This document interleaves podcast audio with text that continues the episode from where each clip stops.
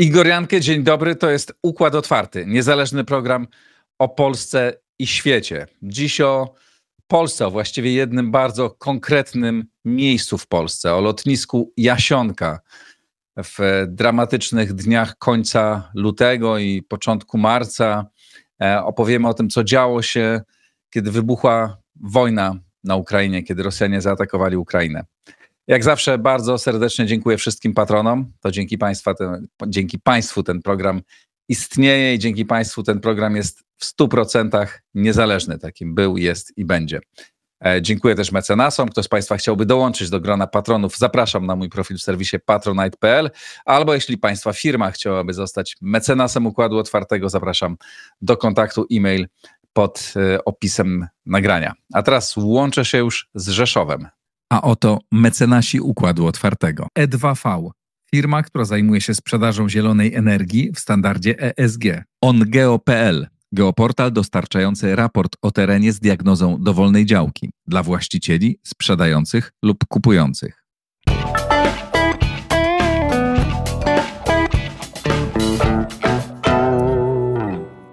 Michał Tabisz, e, były członek zarządu portu lotniczego Rzeszów Jasionka. Dzień dobry. Dzień dobry, witam panie redaktorze.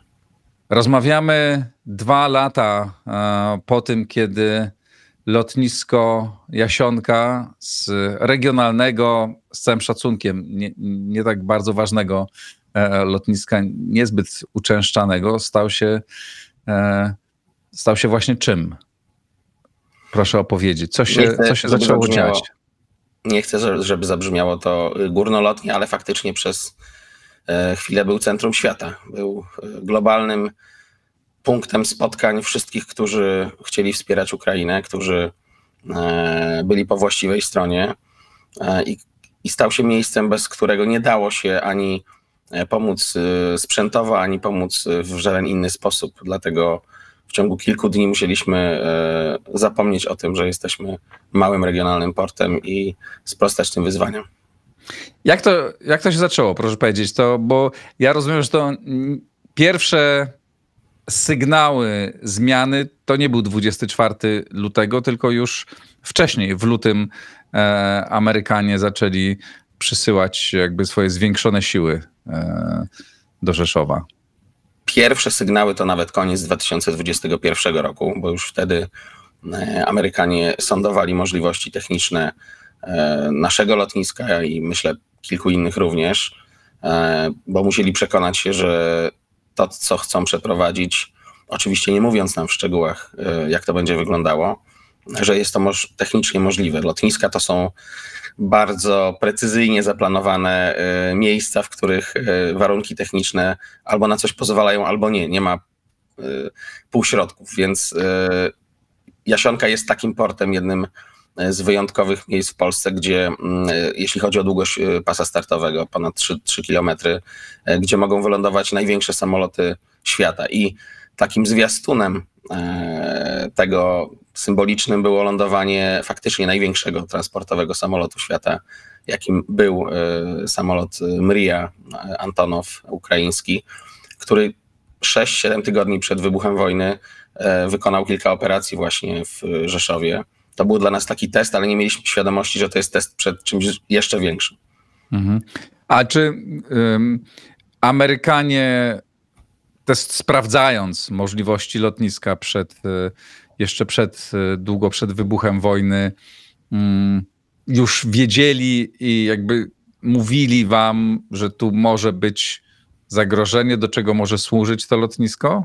Jak to było? Powiedziałbym, że wysyłali sygnały. Nie było to mhm. coś, e, co mogli powiedzieć wtedy otwartym tekstem, natomiast już na początku stycznia rzeczywiście e, to stało się jasne, że to będzie desant i że to będą dziesiątki samolotów. Mhm. No niestety. Ale no. proszę powiedzieć, co, e, jak to było koordynowane? Jak to się zaczęło? Znaczy, na ile polskie służby w tym uczestniczyły mm, i, i, i, jak wyglądało te, te testy? Jak wyglądały też potem pierwsze dni wojny? Oczywiście e, ta akcja była koordynowana przez, przez naszą armię, w, która od początku była w to zaangażowana, natomiast Amerykanie są też dość samodzielni i potrafią niezależnie od tego, czy ktoś im pomaga, czy nie, zrealizować cele, jakie mają postawione. Cele stawia im rząd amerykański, więc w momencie, kiedy polityczna decyzja zapadła o tym, że będzie ten desant się odbywał, przypomnę, jeszcze trzy tygodnie przed wybuchem wojny y, ponad półtora tysiąca żołnierzy amerykańskich zostało wysłanych do Polski razem ze sprzętem. I to był taki pierwszy logistyczny test na to, czy sobie y, poradzimy, czy nie. Zdany przez nas, y, myślę, bardzo dobrze i to nie jest moja opinia, to jest opinia naszych sojuszników, którą wielokrotnie słyszałem i, i tutaj chlę czoła przed załogą portu lotniczego w Rzeszowie, która E, nie była szkolona do tego rodzaju e, zadań e, stricte militarnych i wszystkie umiejętności, wszystko co mogli rzucić w tym momencie dali z siebie, więc ten desant przebiegł pomyślnie i okazało się, że za trzy tygodnie to, będzie, to będą kolejne tysiące żołnierzy amerykańskich, ale później również innych krajów, które zaangażowały się we wsparcie. A jak wyglądał sam dzień 24 lutego u was na, na lotnisku i jakby coś, co się wtedy zaczęło? Jak to wyglądało? 24 lutego, y, jak wszyscy byliśmy w szoku. Przyszliśmy rano do pracy z, z tą samą e, informacją, że rakiety spadły na Kijów i wiele innych miast na Ukrainie. I chyba jeszcze wtedy, w tym samym momencie, nie dotarło do nas, co się, co się może wydarzyć w Jasiące, ale to była kwestia godzin kiedy zdaliśmy sobie sprawę, że skoro właśnie przeszliśmy już ten test, to teraz y, za tym pójdzie, y, pójdzie akcja. Oczywiście uruchomiły się telefony z najwyższych y, możliwych miejsc w państwie. No i w ciągu 48 godzin de facto ten globalny hub wsparcia dla Ukrainy wystartował. Można powiedzieć z marszu, bez jakichkolwiek istotnych przygotowań z wykorzystaniem wszelkiej dostępnej infrastruktury, jaką, jaką dysponowaliśmy. Ale proszę opowiedzieć o szczegółach. Jak to, jak to wyglądało od środka? E, no przede wszystkim, e, przede wszystkim bardzo dużo telefonów, bardzo dużo rozmów, oczywiście wizyty na, na wysokim szczeblu e, ze strony polskiej. Współpraca taka już bieżąca z, z, z wojskiem amerykańskim. Mm, e, pierwsze też, pierwsze też osoby, czy żołnierze, czy, czy funkcjonariusze administracji ukraińskiej, którzy, którzy pojawili się, e, żeby też koordynować to od swojej strony, bo tu trzeba pamiętać, że to wymagało również zaangażowania strony ukraińskiej, żeby te transporty trafiały we właściwe miejsce. No i y, niesamowite zaangażowanie pracowników. Ja mogę powiedzieć, że kiedy przyszedłem w poniedziałek rano do swojego biura i zobaczyłem e, szefa działu cargo. Jego twarz była w takim szaro-żółtym kolorze. Ja się pytam, czy wszystko jest z nim ok. On mówi, no tak, szefie, tylko że nie spałem 48 godzin. Więc powiedziałem mu, żeby y, natychmiast poszedł do domu, chociaż położył się na te kilka godzin, bo jak zabraknie go całkiem, to będziemy mieli dużo większy problem e, niż mhm. jak go nie będzie przez kilka godzin. Także ten obrazek będę długo pamiętał, bo rzeczywiście to był taki spontaniczny zryw. Nikt nie pytał się, czy jego zmiana się skończyła, e, czy jest coś do jedzenia. Po prostu wszyscy wiedzieli, że musimy natychmiast rzucić się na pomoc e, naszym sąsiadom, bo następnie jesteśmy my. Ale co konkretnie robicie? Znaczy, co konkretnie się działo? Proszę powiedzieć tak, no. żebyśmy mogli sobie to wyobrazić. No bo Jasne, normalnym lotniskiem, na którym tak. tam co parę godzin startuje samolot e, pasażerski niezbyt duży, e, a tutaj pojawiają się największe, najpotężniejsze e, samoloty e, wojskowe. Rozumiem, że pojawiła się też ochrona, no bo te patrioty wokół lotniska potem było, e, było widać. Proszę o tym opowiedzieć. To może pokażę tą skalę przeciętnie z Rzeszowa odlatywało 10 rejsów regularnych dziennie. Żeby mhm. sobie wyobrazić właśnie te, te, te proporcje, e, czy to do Warszawy, czy do e, Wielkiej Brytanii, Irlandii, Niemiec, e, to co mamy w rozkładzie i co na szczęście udało się utrzymać. W momencie, gdy zaczęła się inwazja na Rosję i, i cały świat zaczął pomagać tych samolotów, z tych operacji. Inwazja Rosji na Ukrainę, drobne sprostowanie. Oczywiście.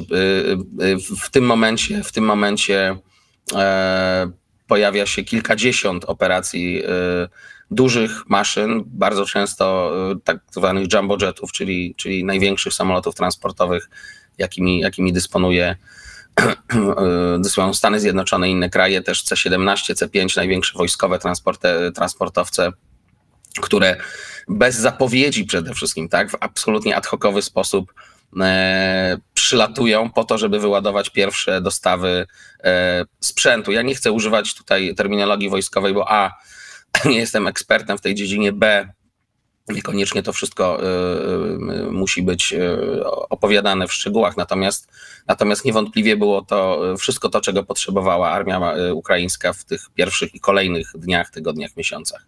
Także ten wolumen był kilka razy większy, trzeba to było rozładować, trzeba było to przepakować na ciężarówki i zrobić miejsce dla kolejnych samolotów, bo ta przestrzeń, mimo że mamy długi pas startowy, przestrzeń manewrowa, płyty postojowe już nie są aż tak e, rozległe, e, więc tych samolotów w jednym momencie może być e, raptem kilka. Ale technicznie to lotnisko było gotowe, znaczy to jest technicznie możliwe, żeby z tak niewielkiego lotniska zrobić taki duży hub, czy musieliście zostać doposażeni w rozmaite urządzenia? Oczywiście Amerykanie przywieźli e, dodatkowy sprzęt, e, jeśli chodzi o wsparcie rozładunku, e, jeśli chodzi o manewrowanie, natomiast to jest wszystko zdolność naszych dyżurnych operacyjnych, ludzi, którzy zajmują się na co dzień zarządzaniem już tą, tą, tą infrastrukturą naziemną, żeby to właśnie w ten sposób zrobić, żeby zapewnić flow, tak zwany, zapewnić ciągłość, oczywiście w koordynacji z wojskiem, w koordynacji z sojusznikami. Oczywiście, znaczy musieliście zwiększyć, nie wiem, zatrudnienie, dostaliście nowych ludzi, którzy musieli obsługiwać ten duży y, ruch, no bo rozumiem, że zupełnie inaczej wygląda organizacja pracy, kiedy latuje, ląduje 10 niezbyt dużych, i, a kilkadziesiąt potężnych samolotów. Prawda jest taka, że y, zaangażowali się w to y, żołnierze i w tym zakresie, w jakim mogli, natomiast problemy kadrowe, wyzwania kadrowe towarzyszą nam od tamtego czasu, towarzyszyły nam przez kolejne miesiące. Nie jest tak łatwo zrekrutować specjalistów, bo praca na lotnisku to nie jest y, praca, którą można, której się można nauczyć w tydzień czy w miesiąc. Wymaga szkoleń, wymaga różnego rodzaju y, mm, wiedzy, którą, którą, y, której trzeba, którą trzeba posiąść, dlatego oczywiście borykaliśmy się z tym. Ludzie pracowali no, tak, tak długo, jak, jak mogli fizycznie, co, co naprawdę zasługuje na duże uznanie. No ale jakoś to wszystko udało się spiąć. Mogę powiedzieć, że w przeciągu kilkunastu miesięcy y, nie było żadnego poważnego y, wydarzenia, żadnego zdarzenia, y, już nie mówię o wypadku, ale zdarzenia, które, które zakłóciłoby przebieg tej, tej, tej akcji, a, a lądowało kilka tysięcy samolotów. Ja tych statystyk dzisiaj, takich najbardziej aktualnych, nie mam, ale mm, pamiętam, że po, po bodajże półtorej roku mieliśmy e, chyba 7 tysięcy operacji samych tych największych samolotów transportowych. Wiem, że średnia wychodziła około 6 dziennie, 6 jumbo jetów dziennie na lotnisku e, rozmiaru Jasionki, gdzie wcześniej tego rodzaju lądowania odbywały się sporadycznie kilka razy w roku maksymalnie. Mhm. A mm, czy lotnisko zostało od, y, w tych pierwszych dniach w każdym razie y, zostało zamknięte dla ruchu pasażerskiego, czy cały czas normalnie funkcjonowało, ludzie latali? To jest y, też jedna z niebywałych rzeczy, że udało nam się tak naprawdę nie odwołać żadnej operacji cywilnej. Co więcej, od początku mm, jakby postawiliśmy taki sobie cel jako zarząd, ale też jasno komunikowaliśmy go stronie amerykańskiej, że to lotnisko jest potrzebne regionowi, to lotnisko jest oknem na świat dla Podkarpacia i ono nie może przestać funkcjonować. W każdym razie my zrobimy wszystko, żeby podzielić się tą przestrzenią tak, żeby ich zadania, nasze wspólne zadanie, bo to wspólne działanie e, polskiej armii amerykańskiej i innych sojuszniczych nie, nie, skoli, nie kolidowały w istotny sposób z naszą e, działalnością komercyjną, e, za co zresztą zostaliśmy uhonorowani na koniec 2022 roku specjalną nagrodą taką międzynarodową dla najlepszego małego lotniska na, na świecie, właśnie za to, że udało się w tym najtrudniejszym roku ten, ten ruch lotniczy cywilny jeszcze rozwinąć. A w, czy, co się działo? No bo rozumiem, że tam przyjechało, że to nie było tak, że obsługiwaliście tylko wy, tylko był też pewnie sztab y, i amerykański, polski, ukraiński. E, czy oni pracowali na samym lotnisku? Jak to wyglądało? Jak, jak się zmieniło życie lotniska na, w środku? Życie zmieniło się y, diametralnie. Przede wszystkim zyskaliśmy bardzo e, liczebną grupę sąsiadów w postaci e, US Army, US Air Force, która zbazowała się vis-a-vis terminala, czyli w centrum kongresowym, znanym zresztą wielu osobom, choćby z organizacji Kongresu 590 y, w przeszłości. Y, I tam był sztab połączonych sił alianckich przez prawie rok od, od, od wybuchu wojny na Ukrainie. Jak duża grupa ludzi to była? Trudno mi mówić o liczbach, na pewno w setkach mhm. liczona. E, I to, były, I to było takie pierwsze zaplecze dla tego, co się działo, e, można powiedzieć, po drugiej stronie ulicy, czyli już e, stricte na terenie portu lotniczego. Natomiast oczywiście mieliśmy, to nie byli tylko Amerykanie, stała obecność przede wszystkim Brytyjczyków jako tej drugiej siły, powiedziałbym, sojuszniczej, najistotniejszej w tych pierwszych miesiącach. No i oczywiście Ukraińcy, którzy też mieli swoje, swoich ludzi. E, także zrobiło się bardzo, bardzo e, międzynarodowo. E, I to zostało do dziś nie tylko na lotnisku, ale w Rzeszowie. Rzeszów się zmienił już na zawsze, myślę, jeśli chodzi o jego wielokulturowość i, i, i otwarcie na świat. Także to są też takie pozytywy, których można się doszukiwać w tak dramatycznym, dramatycznych okolicznościach, jak, jakim, jakim jest wojna. Co było wtedy najtrudniejsze? Myślę, że pokonać, y, no tak po ludzku, to pokonać jednak strach na samym początku, bo dzisiaj opowiadam o tym z, być może z, wyda się to z, z, jako takiej historii, która jest emocjonująca, e, którą fajnie było przeżyć, natomiast pierwsze dni to jest poczucie, że ta wojna jest bardzo blisko, ona jest na poważnie. Baliście się, że Jasionka może stać się celem? Oczywiście, przez pierwszy miesiąc, o czym też myślę niewiele osób wie, nad Rzeszowem, nad y, Podkarpaciem, ale szczególnie nad Rzeszowem, non-stop latały myśliwce, e, które było słychać, nie było ich widać i to był szum, który nie, nie ustawał. Kładliśmy się spać, słyszeliśmy na niebie, zwłaszcza wtedy, kiedy robi się, miasto się wycisza, słyszeliśmy dźwięk silników samolotów. Wstawaliśmy rano i ten dźwięk dalej z nami był. To było kilka tygodni. Moja córka za, zapytała mnie, tato, dlaczego jest tak głośno? Pewnym momencie. Nie? I, y, I to dzisiaj rzeczywiście, y, w, w, wtedy szybko to zracjonalizowaliśmy, ale dzisiaj to, to, to, nie, to nie jest normalne.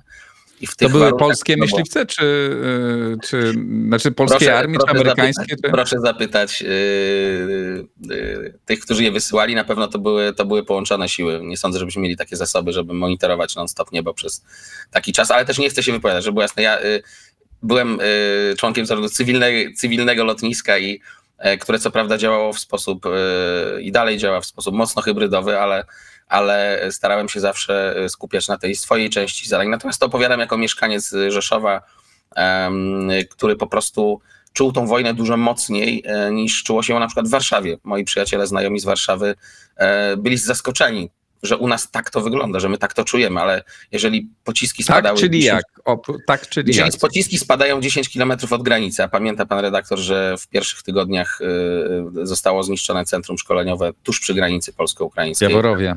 E, dokładnie. Y, I szyby y, wypadały po drugiej stronie, czyli po naszej stronie granicy to już jest poczucie bezpośredniego zagrożenia fizycznego. To jest, to jest tak blisko, każdy wie, gdzie to jest.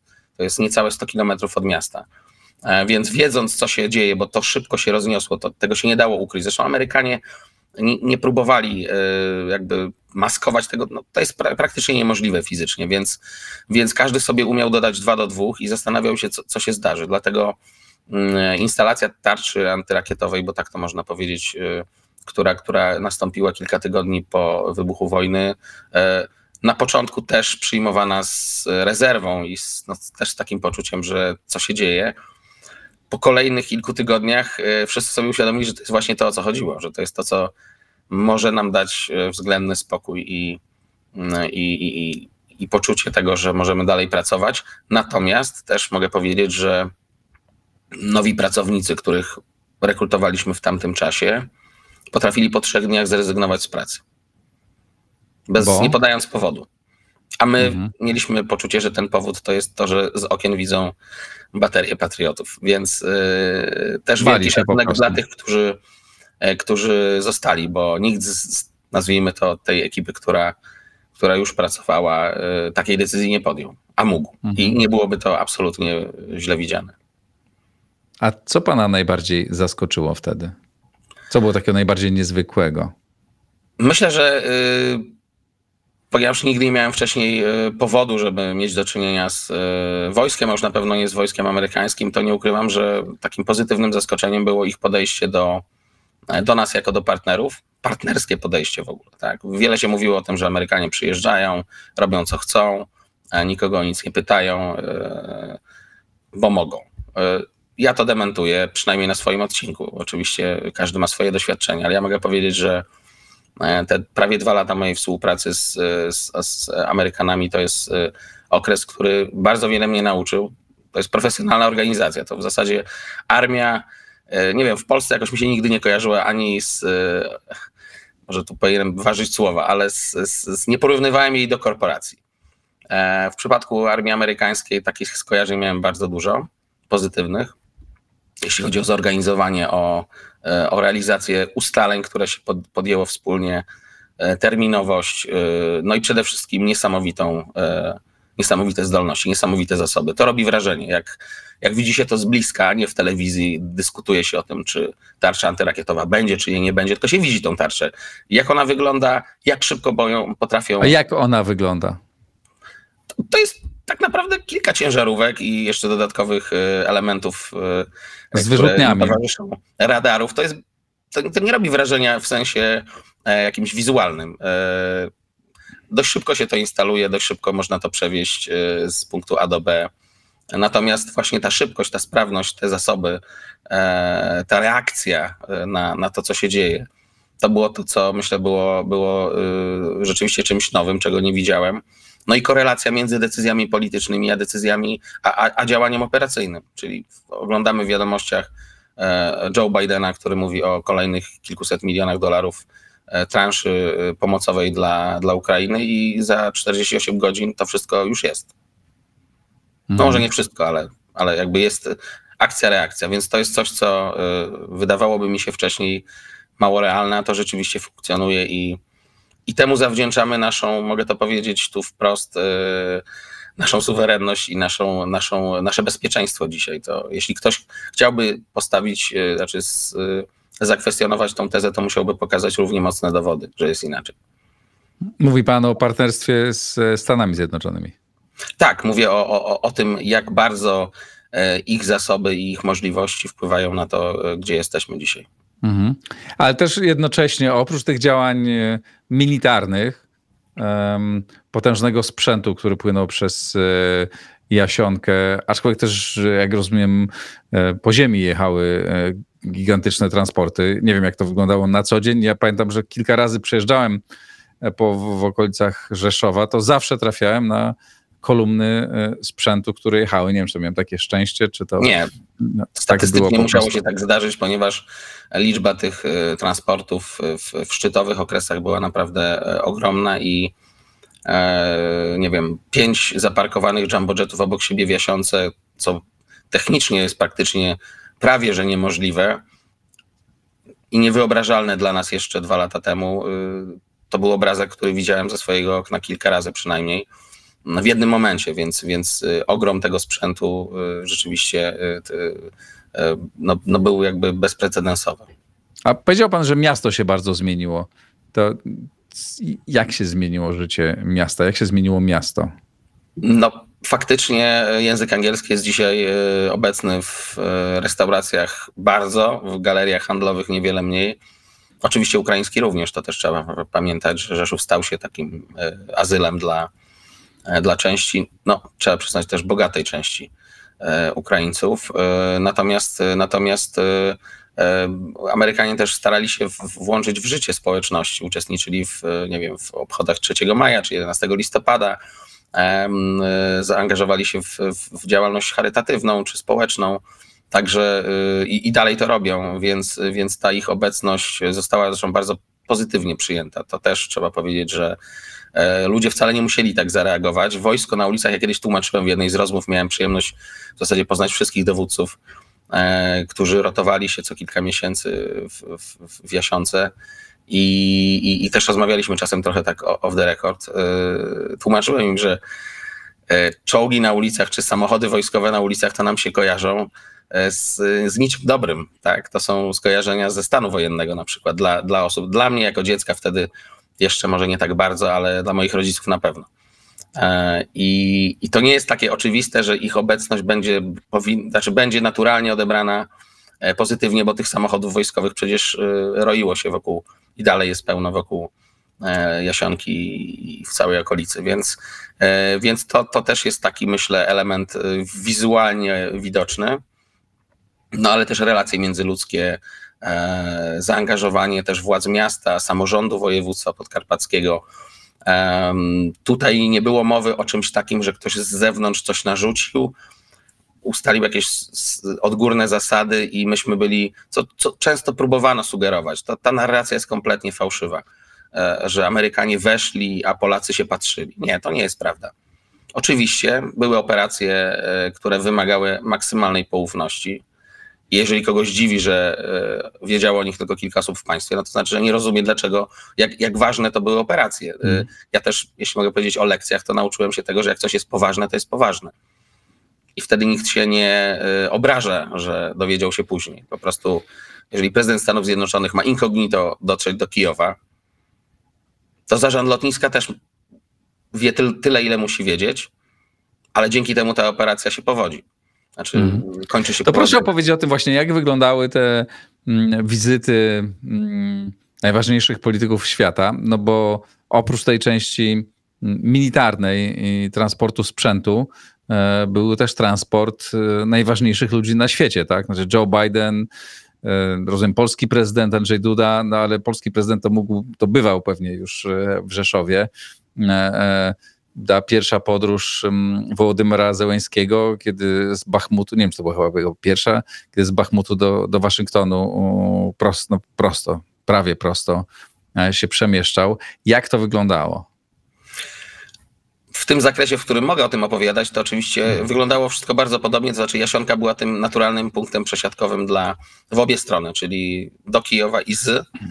E, oczywiście wizyta prezydenta Stanów Zjednoczonych y, to też jest takie przeżycie, które się będzie pewnie do końca życia gdzieś w głowie e, miało zakodowane, bo y, skala zaangażowania wszelkich służb, y, wyprzedzenie, z jakim to nastąpiło, poprzedzające tą wizytę, inne wizyty, e, to był cały proces i tu też to, co mówiłem o Stanach Zjednoczonych jako zorganizowanej E, czy o administracji wojsku jako zorganizowanej korporacji, to też tu miało miejsce.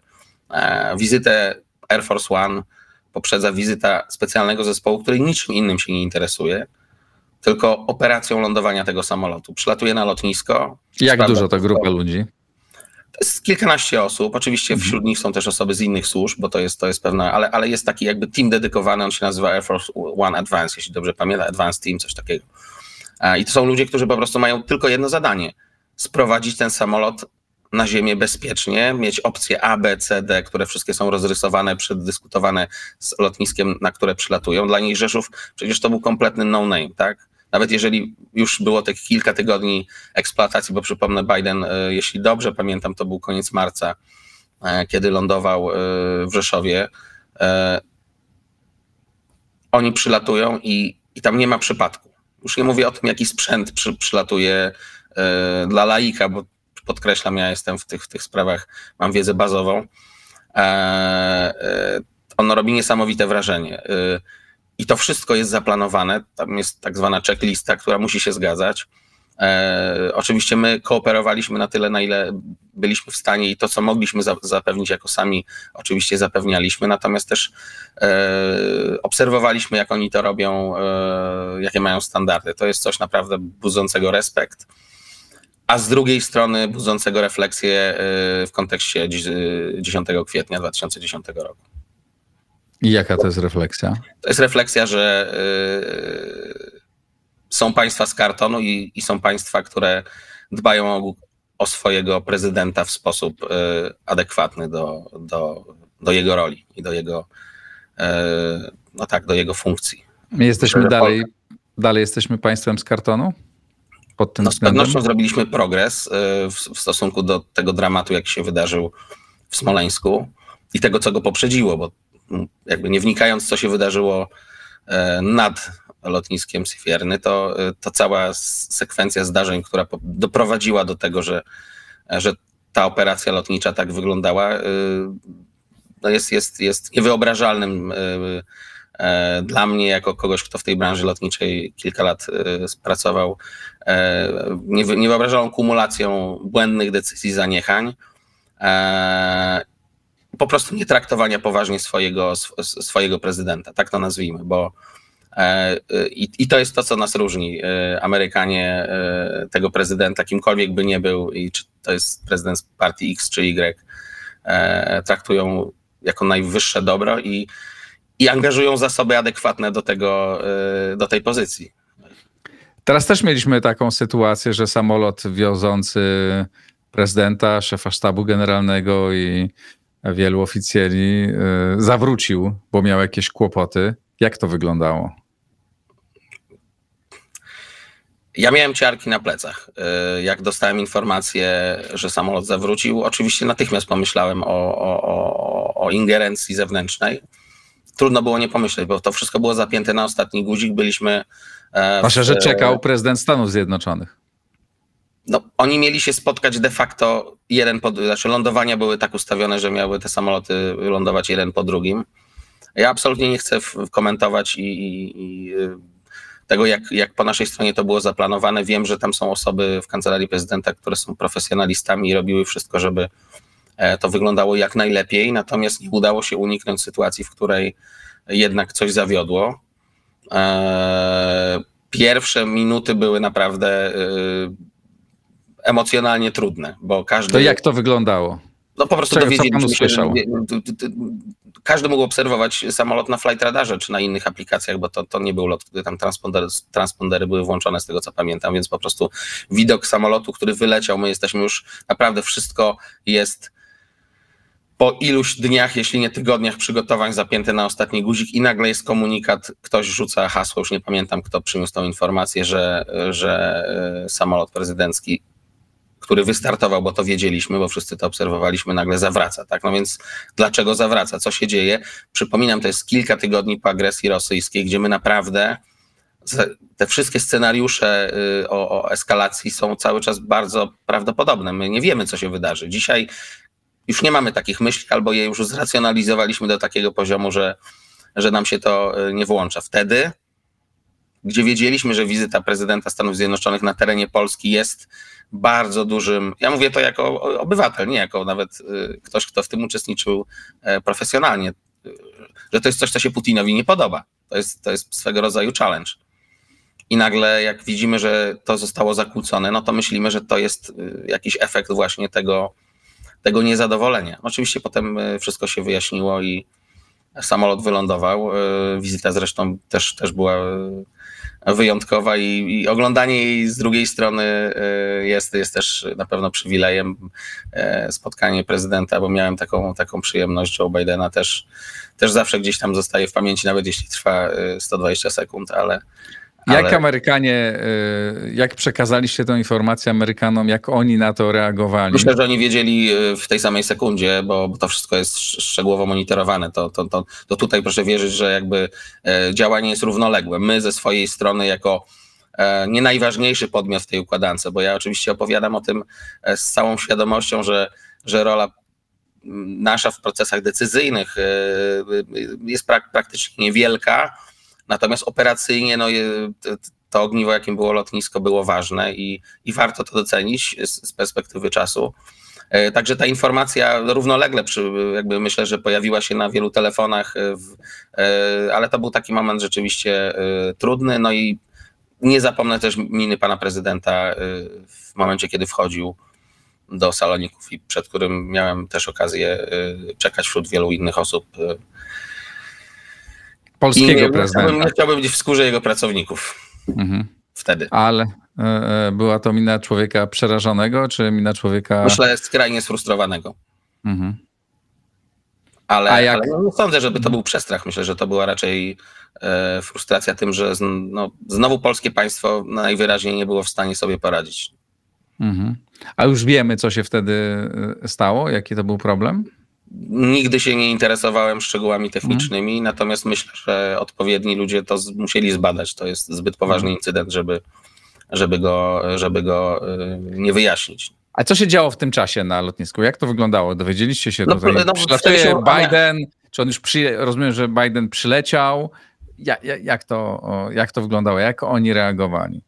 E, no, wtedy się uruchamia plany B i C. To jest oczywiste, mhm. że profesjonalne organizacje mają takie plany i wiedzą, co muszą zrobić. E, z tego co pamiętam, takim ad hocowym działaniem było wykorzystanie tych wysokich przedstawicieli polskiego państwa już obecnych w Jasiące E, do tego, żeby Joe Biden, e, można powiedzieć, miał jakiś program zapewniony.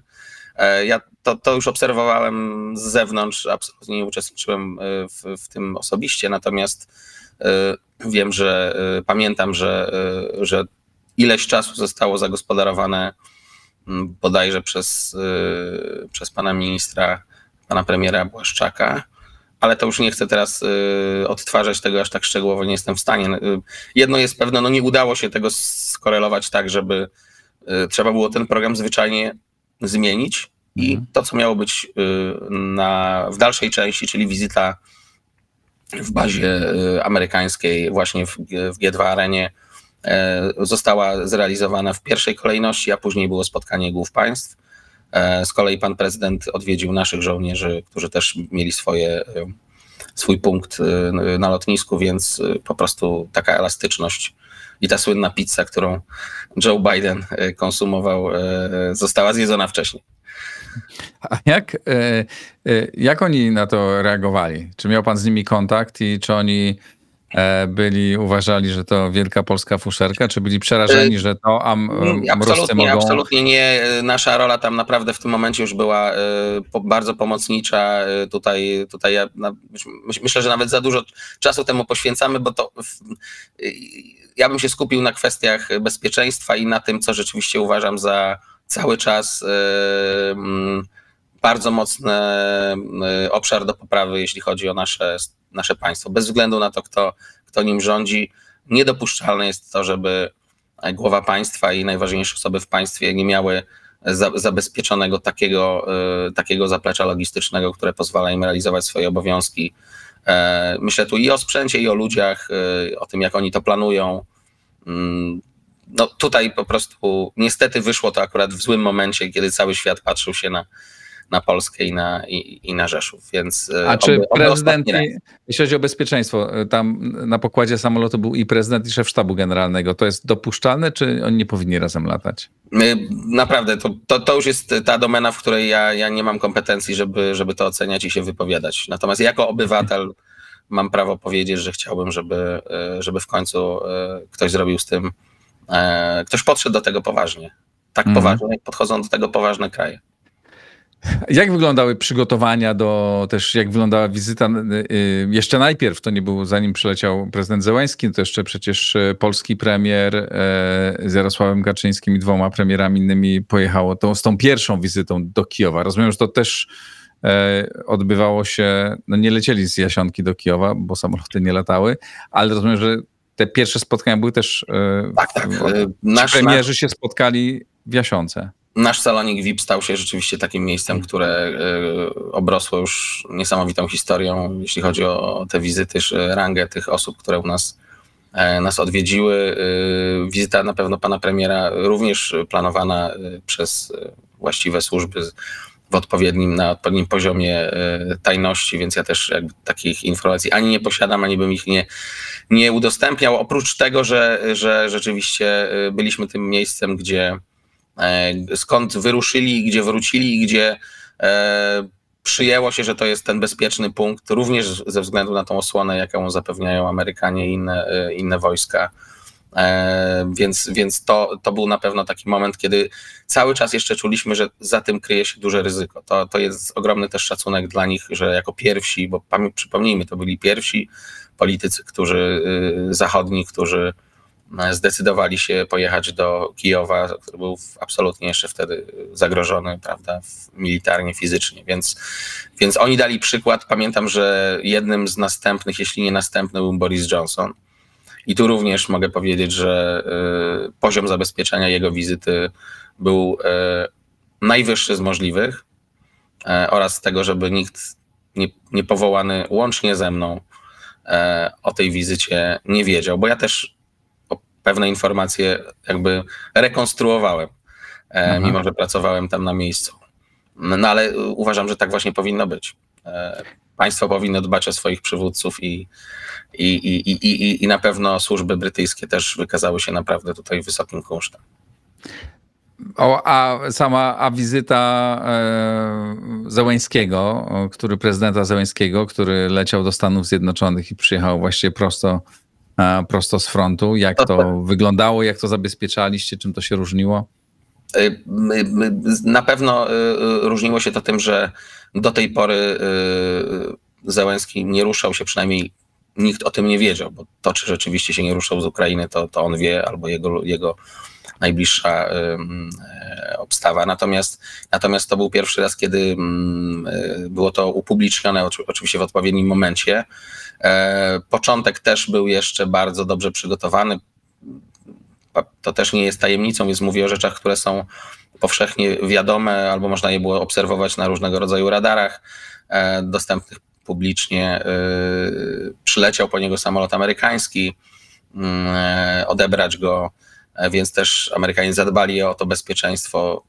No, A to był Air Force One, czy jakiś inny Nie, samolot? Nie, to był, to był jeden z rządowych samolotów, ich lądowało w Jasiące że kilkadziesiąt przez te ostatnie dwa lata, więc już na nas nie robił żadnego wrażenia, mimo że był obrędowany tak jak wszystkie amerykańskie rządowe samoloty.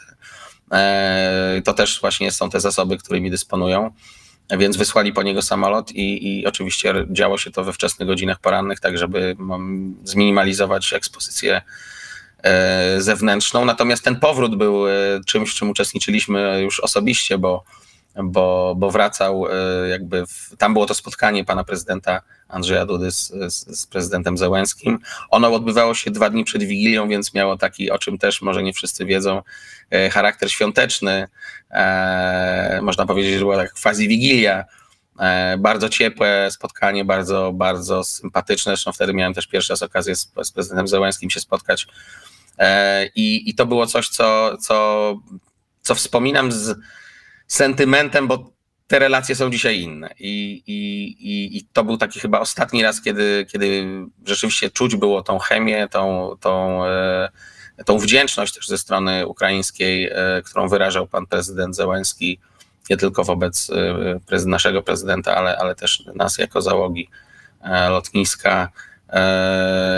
I to był chyba ten moment, kiedy, kiedy jeszcze wszystko szło w takim kierunku, jakiego chcieliśmy oczekiwać. Mhm. A w, oprócz e, polityków, no bo tam to nie byli jedyni, tak? Tych polityków, którzy, rozumiem, przez Jasionkę się przewinęło, było znacznie więcej. Też były, e, byli, nie wiem, był Bono, lider YouTube i, i, i wiele innych znanych postaci. To pan miał okazję w ogóle z tymi politykami, nie wiem, czy z, pewnie nie rozmawiać, ale obserwować ich, coś pana zdziwiło, zaskoczyło? Jak, jak to wyglądało? Y, oczywiście y, ten udział był różny. Zwykle to była. Czy Bono była... też przyjechał z jakąś specjalną obstawą, czy po prostu no, z pasażerem, który był bardziej znany? Z Bono miałem przyjemność porozmawiać, y, bo nie mogłem sobie odmówić tej, tej, tej okazji rzadkiej i, i, i rzeczywiście spotkaliśmy się. Równolegle lądował Justin Trudeau i, i to był taki moment, że wybór był oczywisty. Justin Trudeau został odebrany przez protokół dyplomatyczny, a my w tym czasie staliśmy pod y, biznes jetem, który, który przywiózł y, Bono i Diege'a. I to była sympatyczna rozmowa. Też, też to są pierwsze, pierwsze tygodnie, chyba dwa miesiące po. taki jeszcze wczesny okres, pamiętam, Oni, oni oczywiście powiedzieli, że absolutnie żadnych zdjęć, bo, no bo względy bezpieczeństwa, więc dopiero jak wracali dwa dni później, to chyba spędzili godzinę. Mnie już wtedy akurat nie było w porcie z jakichś tam przyczyn y, osobistych, natomiast moi koledzy i koleżanki spędzili z nimi chyba godzinę albo dłużej na takich luźnych rozmowach. E, ale wszyscy doceniali to, co, co my tu robimy. To też jest takie, takie budujące, że, że to byli ludzie, czy to byli aktorzy, czy to byli celebryci, politycy, e, zdawali sobie sprawę, że to nie jest miejsce, jakby, które zostało zaplanowane, zaprojektowane do, do tego rodzaju operacji. I, i, i, I wiele ciepłych słów usłyszałem wtedy, e, które przede wszystkim powinny trafić do, do, do pracowników, do tych ludzi, którzy naprawdę e, przekraczali takie już fizyczne granice często e, po to, żeby, żeby ten ruch we wszystkie strony, tak, I, i przez Jasionkę na zachód dla, dla, dla Ukraińców i przez i w drugą stronę dla, dla wsparcia militarnego, żeby on nie, się nie zatrzymał. A czy czuliście Państwo jakieś reakcje ze strony Rosjan, ataki, cyberataki? Rozumiem, że nasz kontrwywiad, tak, czy amerykański kontrwywiad jakby intensywnie działał. Może pan, co pan może o tym opowiedzieć? Mogę powiedzieć, że y, to jest naturalne dla każdego zdrowo rozsądkowego człowieka, że y, tego rodzaju działalność musi się być y, przedmiotem kontrdziałań tych, którzy, w których ona uderza. Więc, więc oczywiście takie poczucie mieliśmy i jego ślady przez ten czas dało się odczuć, czy odnaleźć. Liczę, tu oczywiście zdawaliśmy się w pełni na, na, tak jak pan powiedział, na wszystkie służby, które mają statutowo się tym zajmować, zarówno nasze w pierwszej kolejności, nasze oczywiście, ale też sojusznicze. I myślę, że to jest taka stała, stała rywalizacja. Ona się cały czas odbywa. Pewnie na co dzień człowiek nie chciał za bardzo o tym myśleć, do jakiego stopnia to może eskalować. Natomiast e, to, co też publicznie już wiadomo, że była siatka szpiegowska, która między innymi e, obserwowała, czy, czy nawet planowała sabotaż właśnie skierowany e, w stronę lotniska, czy transportów, które z tego lotniska się udają. Miało to miejsce na pewno też. A ci szpiedzy byli na, e, na lotnisku, działali na lotnisku, czy byli wśród pracowników, czy co? Mm, nie, no na pewno, na pewno do tego stopnia nie. Z tego co wiemy, bo to, ja, to jest wiedza gazetowa, prasowa. To były osoby, które, które z zewnątrz obserwowały, ustawiały kamery, zbierały informacje po to, żeby je później wykorzystać i zostało to chyba w odpowiednim momencie przerwane, udaremnione. E, ale, ale, ale na przykład wiem, że miały miejsce sytuacje, w których obywatele Federacji Rosyjskiej, prywatne osoby, dziwnym trafem e, wykupywały bilety z, na przykład z Londynu Ryanerem do Rzeszowa po to, żeby przelecieć nad tymi wszystkimi instalacjami i wysiąść, e, wynająć samochód i udać się w kierunku Białorusi w ciągu paru godzin opuścić Polskę. Wiem, że tego rodzaju sytuacje E, zdarzały się. No i to są sytuacje, które pozornie są legalne, bo przecież każdy może e, odbyć podróż z e, Londynu przez Rzeszów do Mińska, taka typowa trasa, prawda? Krót, krótka i. Oprócz tych pomocy wojskowej, która szła przez Jasionkę, oprócz polityków najwyższej rangi na świecie, też była, jak rozumiem, olbrzymia pomoc humanitarna i medyczna przechodziła przez Jasionkę. Proszę o tym opowiedzieć. E, szczególnie myślę, że warto powiedzieć i, i, i wyrazić wdzięczność dla tych, którzy zaangażowali się w pomoc medyczną, bo to jest ogromny wysiłek e, wolontariuszy, organizacji pozarządowych, które od pierwszych dni, tygodni jakby facilitowały, czy mówiąc bardziej po polsku, e, zarządzały, tak, pośredniczyły w tym przepływie ludzi. Mm, który był y, nieprzerwany. Kilkadziesiąt konwoje liczące kilkadziesiąt karetek przyjeżdżały do Jasionki, przejeżdżały przez bramę, ustawiały się. To był taki widok naprawdę poruszający.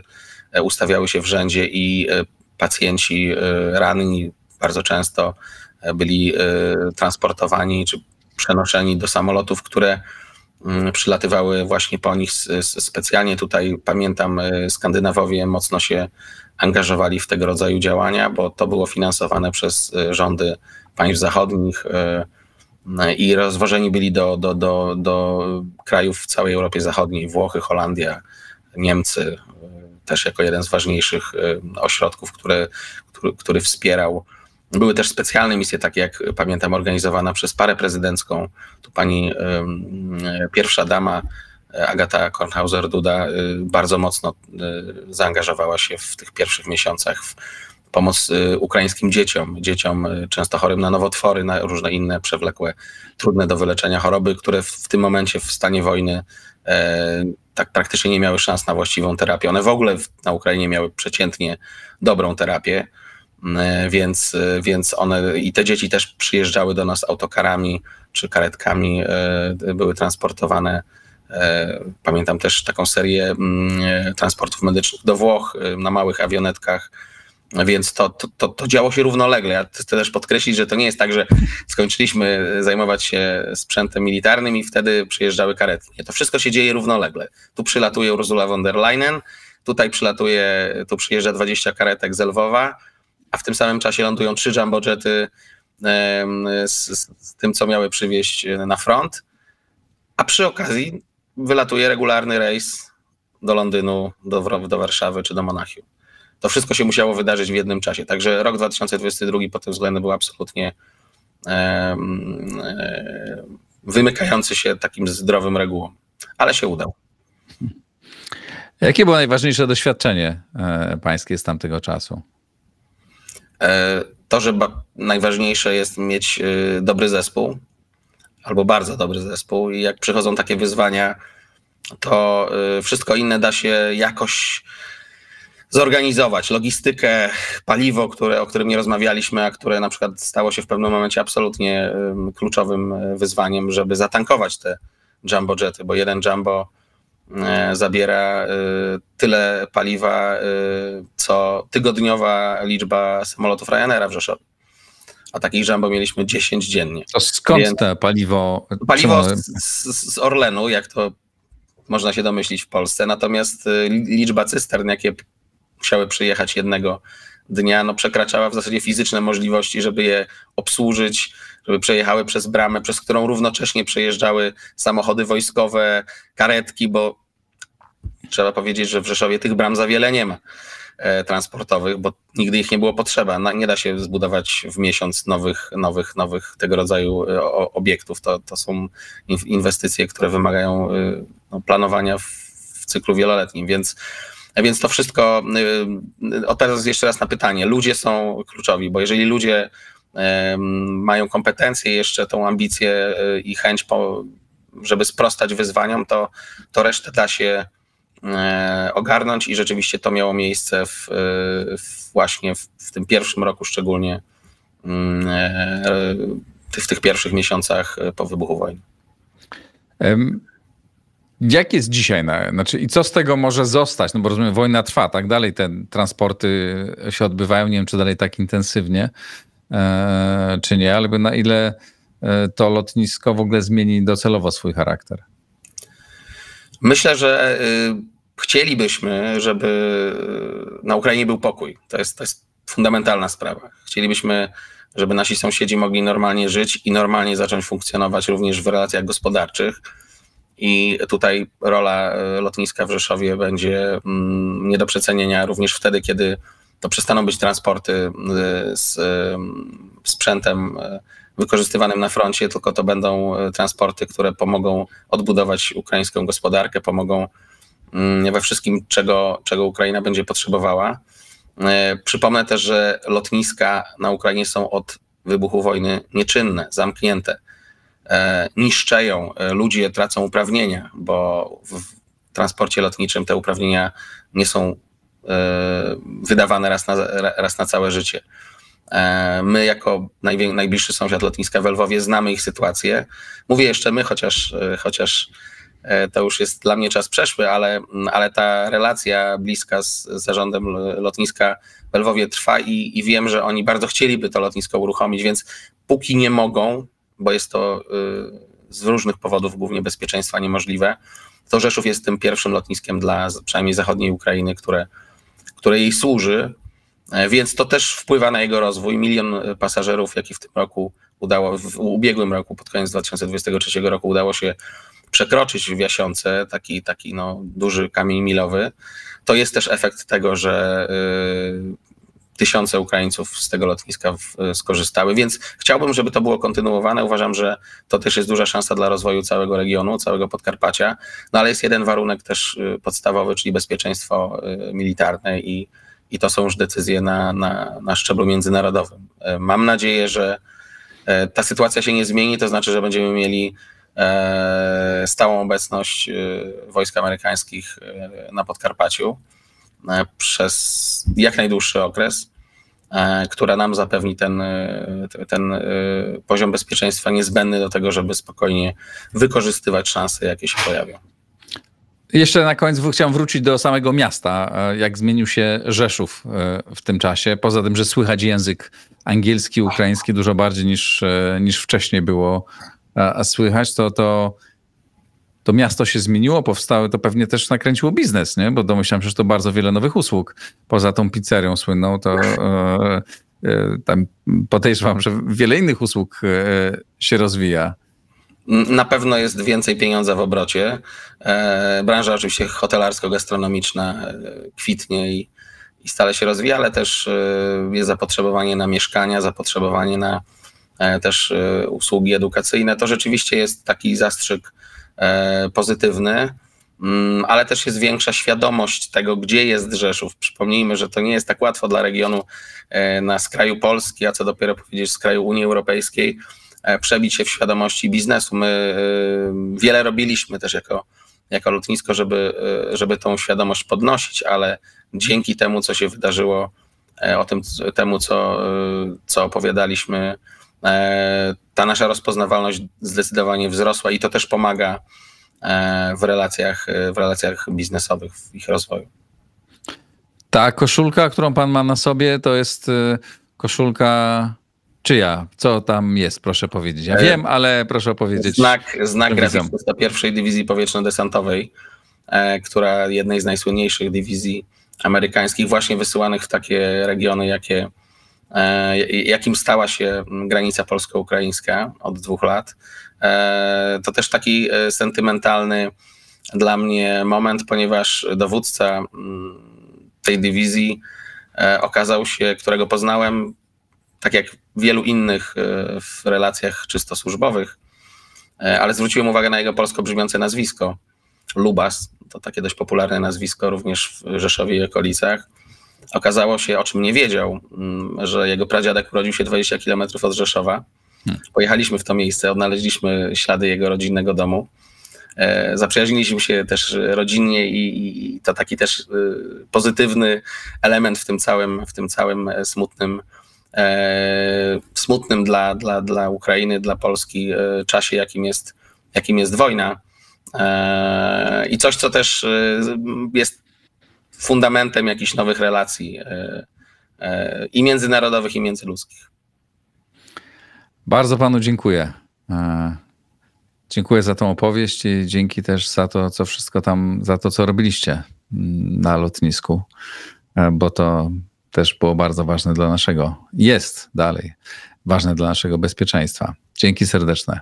Dziękuję bardzo. Pan e, Michał Tabisz był naszym gościem. E, Dziękuję bardzo. Napiszcie Państwo w komentarzach, jak Wy pamiętacie tamte, tamte czasy, tamte dni. To było niedawno przecież.